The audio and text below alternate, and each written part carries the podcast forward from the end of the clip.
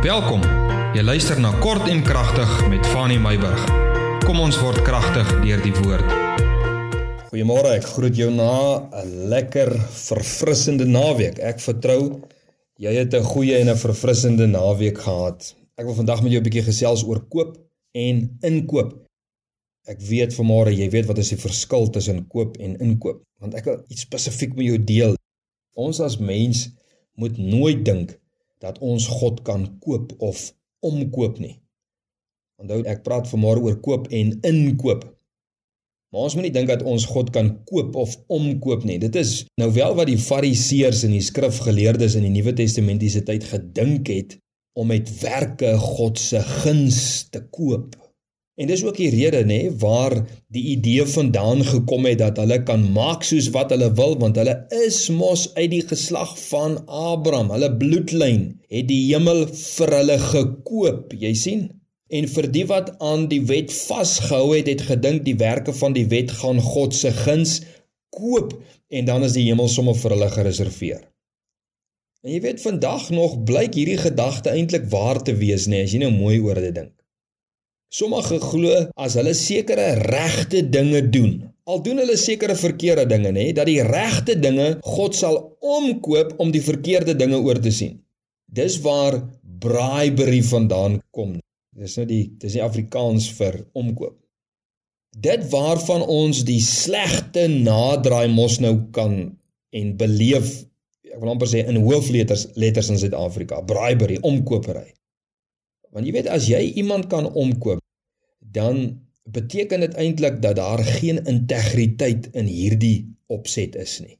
Nie net van die een wat die ontvanger is van die die bribery, maar ook die een wat omgekoop is en een die een wat die, die omkoopwerk doen.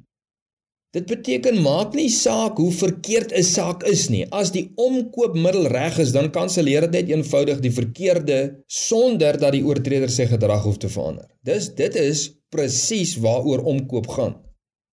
As die omkoopmiddel reg is, dan kanselleer dit die verkeerde sommer uit, nê, sonder dat daar 'n gedragsverandering hoef plaas te vind. Ek hoef nie dinge anders te doen nie. Ek moet net bereid kan wees om die omkoopgeld te hê. Nou ek wil jou nou vra, is dit werklik wie God is? Kan die volk regtig so amper sê dom gewees het om te dink dat hulle kan God omkoop? En is dit werklik die beeld wat ons van God behoort te hê in die tyd waarin ons lewe? Is dit die manier hoe God ons gaan seën? Dat ons dinge vir hom moet doen sodat hy dinge vir ons kan doen? Ek verstaan ons moet gehoorsaam wees uit die woord. Ons moet dit begryp, ons moet dit toepas. Ons moet gehoorsaam wees aan die woord. Maar dit is net eenvoudig nee. Dit is nie die manier hoe God ons wil seën nie. Ek wil met jou gesels oor om in te koop by God. Nie om God om te koop nie, om in te koop by God. Hier is die begrip. Om in te koop by 'n goddelike beginsel om saam te stem oor Bybelse beginsels wat God daar neergelê het. En ons kan heelwat sulke voorbeelde gebruik. Ons kan inkoop in verlossing. Ons kan inkoop by vergifnis. Ons kan inkoop by seëninge want onthou by al hierdie dinge is daar seën. Ons kan inkoop by genesing, ons kan inkoop by bevryding. Ons kan inkoop by finansiële seën ensovoorts ensovoorts ensovoorts. En ek wil as voorbeeld hierdie geld ding nou eintlik oor praat vanmôre. Ek wil oor finansiële seën wil ek nou gebruik as voorbeeld van om in te koop by 'n goddelike en 'n Bybelse beginsels. Om nie God om te koop deur geld nie, maar om in te koop in 'n Bybelse beginsel en daardeur vloei seën. Dis waaroor ek wil gesels. En nou die laaste klomp jare weet ons mos nou. Die laaste klomp jare was die gedagte gebruik en gepreek dat as jy God se seën op jou finansies en op jou lewe wil beleef, dan moet jy aan 'n sekere instansie of 'n persoon moet jy geld betaal en dan sal God jou seën. Is dit so?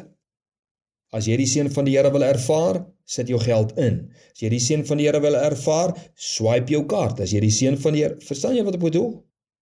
Dit skep vir my die idee dat God omgekoop kan word.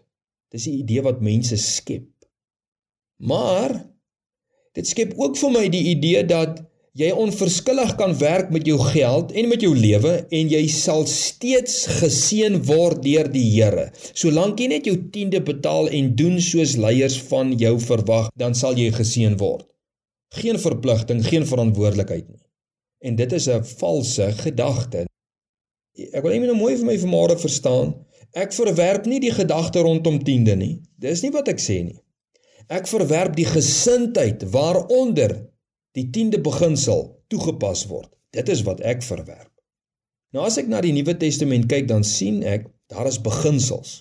Eintlik nie net Nuwe Testament nie, Ou Testament ook. Daar is goddelike of Bybelse beginsels wat Salomo, Paulus, Jesus onder andere weergegee het wat God daar gestel het wat seën bring. Jy weet in die Ou Testament het Salomo gesê as jy lui is, dan moet jy gaan kyk na die muur want daar is wysheid in die muur. Hierdie ouens bære vir die tye wanneer dit swaar gaan, hulle bære vir die winter. Wie wat hierdie is 'n Bybelse beginsel nê? Jy moet bære vir die tye wanneer dit nie goed gaan nie. OK, dis Bybels. En dan natuurlik, kom ons kyk 'n bietjie na die die verhaal van die verlore seun. Nou sê jy vir my vrou, "Waa, Jesus, wat 'n valse ding wil jy nou praat oor geld?" Ek wil net vir jou gedagte gee. Hierdie seun het alles gekry wat sy pa vir hom gegee het en toe wat doen hy met sy geld? Toe gaan vermors hy alles en toe sit hy later met niks. As jy finansiëel na hierdie verhaal kyk, onthou nou ek wil nou nie jy ek weet wat die beginsel is, maar hoor net wat ek vanmôre wil sê. As jy om jou geld gaan mors, kan jy mos nou nie verwag die Here moet jou seën nie. Dis eintlik al wat ek wil sê. Lukas 12 vers 13 sê. Ek gaan net daarna verwys, ek, jy kan dit self gaan lees. Lukas 12 vers 13 praat van ehm um, hierdie ryk man.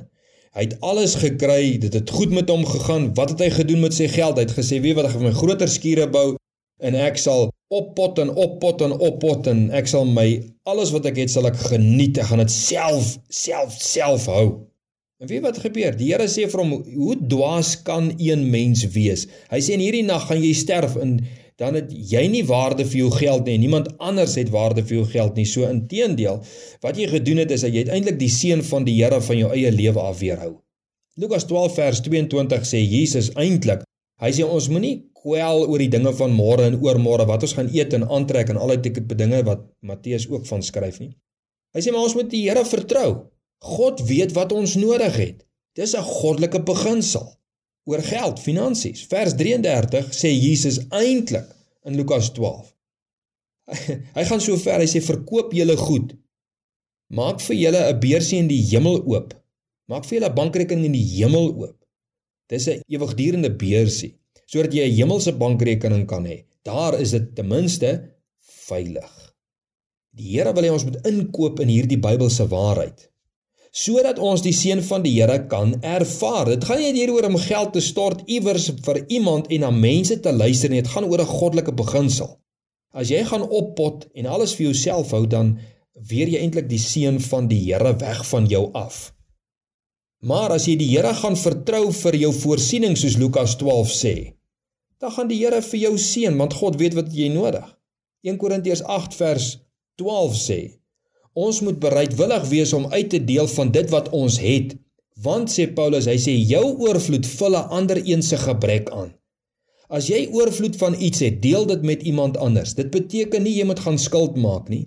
Dit beteken net as jy 10 hemde het, het jy mos die vermoë om vir iemand iets te gee van wat jy het. Jy deel uit aan ander wat jy het. So dan vat jy een van jou hemde of twee van hulle Daai warm baadjie wat jy nou in die winter het, gaan deel dit met iemand want dit is ekstra in jou kas. Jy kry die gedagte, daaruit vloei die seën van die Here. 1 Korintiërs 9. Daarvan vers 5. Jy kan hom maar verder gaan lees. Paulus praat as hy praat van geld, dan praat hy van 'n dankoffer. Hy praat van vrywilligheid. Hy sê as jy volop saai, sal jy volop maai. Dit beteken nie, okay, goed, ons los dit net daar. Hy en hy praat van 'n blymoedige gewer. En dan sê hy hierdeur het God mag om genade oorvloedig aan jou te gee. Hoe gee hy genade oorvloedig aan die een wat 'n dankoffer bring, wat vrywillig saai, wat volop saai, wat blymoedig gee. En dan sê hy verder dat jy volop in alle opsigte volop kan hê om weer goed te kan doen. Verstaan jy wat sê ek vanmôre? Ek sê vanmôre Jy kan God nie omkoop nie, maar jy kan inkoop in 'n goddelike beginsel en daardeur sal jy geseën wees. Dit gaan nie net oor tiendes nie. Dit gaan nie net oor om in iemand in te saai nie. Hier is die goddelike beginsel wat ek vanmôre graag met jou wou deel. Dit is een waarin jy moet inkoop. En deur hierdie gesindheid te hand handhaaf en dan nou hierdie beginsels uit God se woord toe te pas, vloei daar outomaties seën uit die hemel uit na ons toe. Die gedagte van inkoop kan jy nou verder uitbrei byvoorbeeld na vergifnis. Jy gaan nie iemand vergewe omdat jy bang is God gaan jou straf nie. Jy gaan iemand vergewe want die Here sê ons moet vergewe as ons vergewe wil word. Nou kan ons baie uitbrei oor baie ander sake. So kan van Here, hier is my gedagte wat ek graag vanmôre met jou wil deel. As jy hierdie skrifgedeeltes nou weer wil gaan lees, Lukas 12 vanaf vers 13 af, 1 Korintiërs 8 vanaf vers 12, 1 Korintiërs 9 vanaf vers 5. Daar is om in te koop in 'n goddelike beginsel rondom finansies. Mag die Here jou daarmee seën en mag die woord van die Here jou verryk in hierdie dag. Seën en vrede.